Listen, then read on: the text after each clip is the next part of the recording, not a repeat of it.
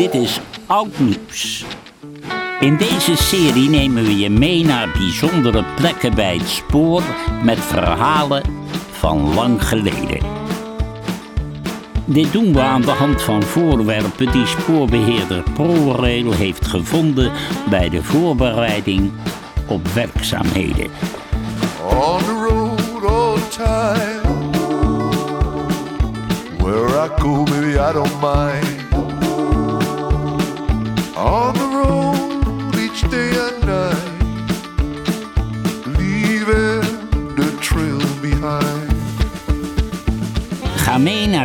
Leeuwarden van toen en luister naar de aflevering Flessenpost.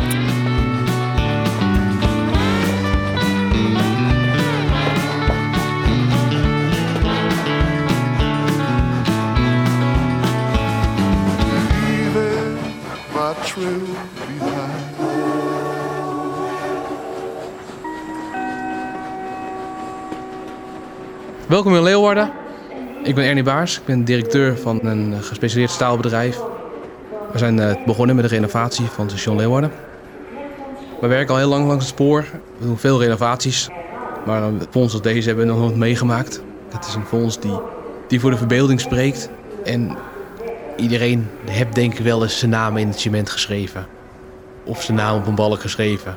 Om toch herinnerd te worden in de toekomst. Het is natuurlijk heel erg interessant om erover na te denken.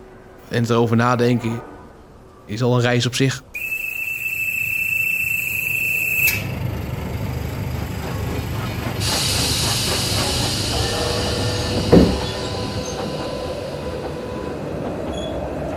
Het is fris deze namiddag. De kille rijwind vindt zijn weg door de kieren en gaten van de houten opbouw van het postrijtuig van de trein. Jan Postema, conducteur der brievenmalen, trekt de kraag van zijn lange bruine stofjas hoger op en gaat gestaag verder. Het licht van de olielamp werpt dansende schaduwen op zijn werkblad. Op het ritmische kadeng-kadeng van de rails laat hij zijn stempel op het kussen en vervolgens op de poststukken vallen. Een brief voor een notaris in Stiens, een kaartje voor een leraar in Leeuwarden en een pakket voor de familie Hoekstra. Alles wordt gestempeld, gesorteerd en in de juiste vakken in de houten stelling tegen de wand gelegd. Heel lang heeft hij niet meer, want ze zijn zojuist het station van Buitenpost gepasseerd en zullen dus snel in Leeuwarden aankomen. In een van de ongebruikte houten vakken heeft hij een flesje never verstopt. Een kleine opwarmer aan het einde van een werkdag als deze om de kou uit zijn verstijfde lichaam te jagen. Een schok in de wagon geeft aan dat de locomotief afremt. Ze naderen Leeuwarden. Met grote stoomwolken en een hoop gesis rijdt de trein het station binnen en komt tot stilstand.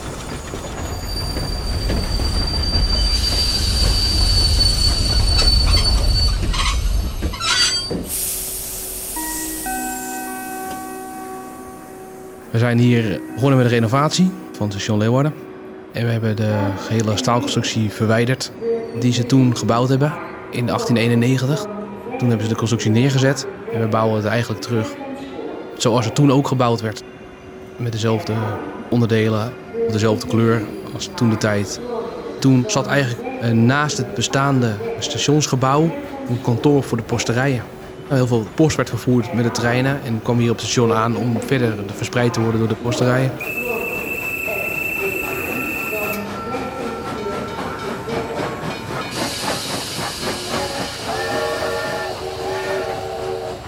In het kantoor van de posterijen op station Leeuwarden zitten Rudolf af Volter en Frans Lieve Braameijer. De ene is assistent ter posterijen, de ander is brievenbesteller. In deze ruimte worden de zakken uit de treinen verdeeld onder de postbodes, die zich vervolgens als postduiven verspreiden over de provincie. Het gesprek gaat natuurlijk over de overkapping van het station. Die had al in de zomer klaar moeten zijn. Maar de eerste aannemer heeft er een zootje van gemaakt. En als klap op de vuurpijl is hij ook nog eens met de noorderzon vertrokken. Gelukkig heeft men een vervanger gevonden, maar volgens de laatste berichten zal de bouw pas in het voorjaar afgerond zijn. Na de winter dus. Nu is dit op zich niet zo erg, waren het niet dat het gat voor een van de draagbalken al weken geleden in de muur van hun ruimte is gemaakt.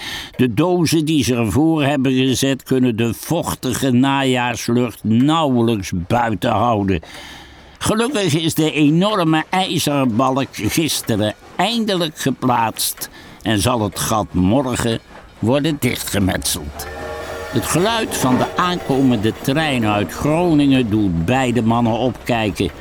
Ze trekken hun lange wollen jas aan en lopen naar buiten richting perron.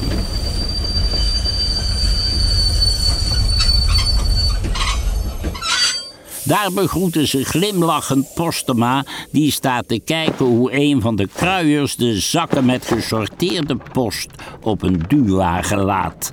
Gedrieën lopen ze achter de kruier aan, richting kantoor. Postema slaat beide mannen hartelijk op de rug. Altijd een genoegen jullie weer te zien, heren. Voordat ze naar binnen gaan, kijkt hij omhoog en wijst naar de ijzeren balken die de nieuwe overkapping van het station moet dragen. Ah, eindelijk geplaatst, zie ik. Werd ook wel tijd, zeg. En volgens mij heb ik precies het juiste om dit heugelijke feit te vieren, roept Postema, terwijl hij de flesje never uit zijn zak haalt.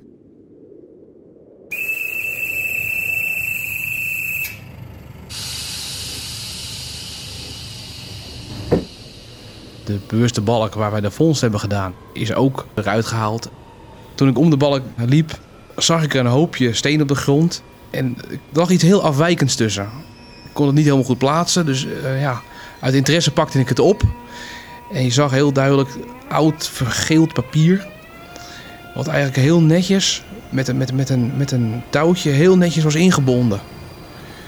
Het touwtje er heel strak omheen met een keurige strik erin of een knoop erin. Je zag dat het met aandacht verpakt was. Dat iemand daar het niet zomaar gewoon een touwtje omheen had gebonden. Heel voorzichtig kon ik de bovenkant openmaken. En dan zag je daar een, een fles. En je zag eigenlijk al aan de fles dat het niet een fles was van deze tijd. Maar al heel snel zag ik ook door het kleine gaatje wat ik, wat ik opengemaakt had, zag ik al een, een briefje erin zitten. En je zag toevallig precies op dat stukje wat ik opengemaakt had, door de fles heen, heel klein het jaartal staan van de bouw van het station.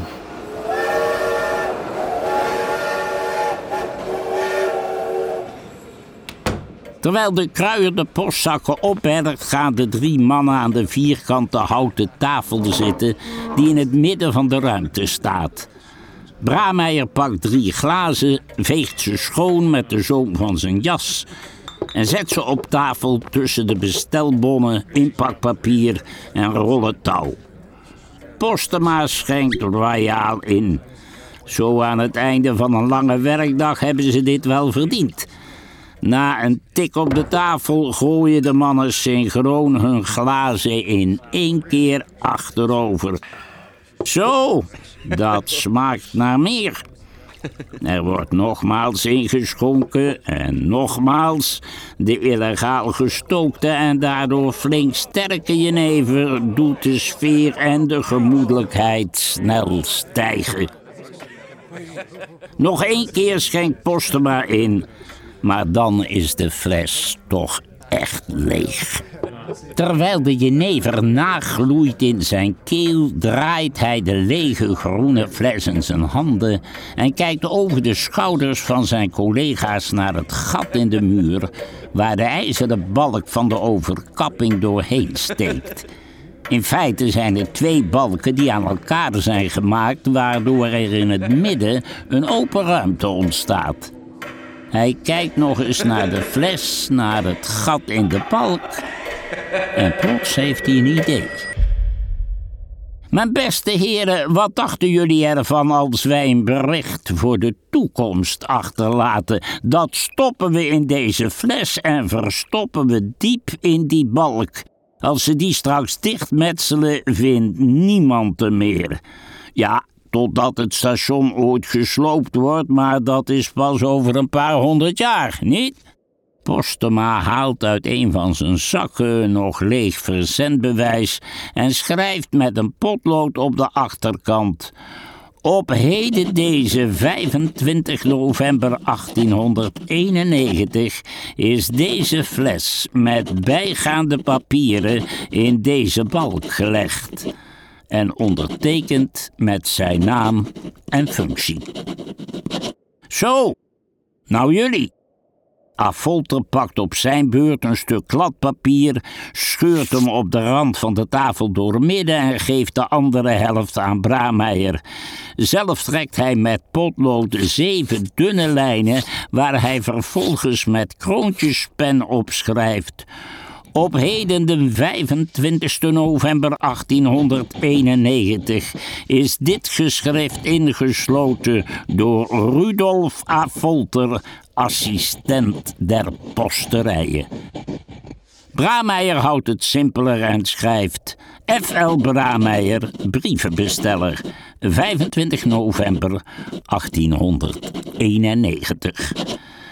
Om het geheel wat officiëler te maken worden alle drie de briefjes voorzien van het stempel van de posterijen van het station van Leeuwarden, waarna ze opgerold in de fles worden gedaan. Postema pakt ondertussen de kurk alvast van tafel.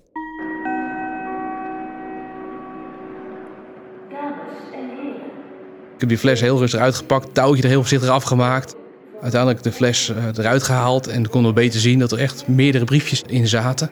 En dat de kurk, dat zat nog een soort van soort waslaag overheen. Dat was echt gewoon gesield. Je zag echt dat het met bepaalde kunde er weer eh, opgemaakt was. Het was echt gewoon heel netjes dichtgemaakt. Dus uiteindelijk eh, meegenomen naar kantoor. En heel voorzichtig met een houtje en een klein balkje. Op alle mogelijke manieren proberen die blaadjes uit die fles te krijgen. En te zorgen dat het natuurlijk niks, niks stuk ging of beschadigde. Nou, de eerste blaadjes waren echt nou ja, papier. Dus dat ging er eigenlijk wel redelijk makkelijk uit. Maar er zat ook een, stukje karton in dat echt opgevouwen was en uitgezet was. Dus dat was nogal pittig om het eruit te krijgen. Plots slingert de deur open. De mannen, volledig opgaand in hun enthousiasme voor de flessenpost, schrikken en zien Arnoldus ten Hulscher binnenkomen. De kleine 45-jarige ex-militair is net als Braameijer brievenbesteller en is zojuist klaar met zijn ronde. Hij ziet de drie mannen, de glazen en de lege fles en zegt hartelijk: Ik zie dat de heren hard aan het werk zijn. Hij pakt een stoel en schuift aan. En natuurlijk wordt er weer niets overgelaten voor Arnoldus. Om zijn punt duidelijk te maken pakt hij de fles op waar tot zijn verbazing drie briefjes in zitten. Wat krijgen we nou weer? Wat is dit? Ze leggen hem snel uit wat het idee is. Natuurlijk doet de joviale ten Hulscher direct mee. Hij krabbelt snel zijn naam, functie, plaats en datum op een stukje karton en propt hem bij de briefjes in de fles. Om te zorgen dat de boodschap goed bewaard blijft, drukken ze de kurk in de fles terug en verzegelen hem met was. Ze verpakken de fles in bruin postpapier en omwikkelen hem met draad. Vervolgens schuiven ze de tafel tegen de wand. Aan Postema de eer, het was immers zijn idee. Via een stoel klimt hij op de tafel. Op zijn tenen staand plaatst hij het pakketje zo ver mogelijk in het gat in het midden van de balk en zorgt dat het goed strak zit. Zo, die komt voorlopig niet van zijn plek en je kunt het nauwelijks zien zitten. Hij springt van de tafel en kijkt zijn collega's triomfantelijk aan. Ik ben benieuwd hoe lang het duurt voordat iemand onze briefjes leest.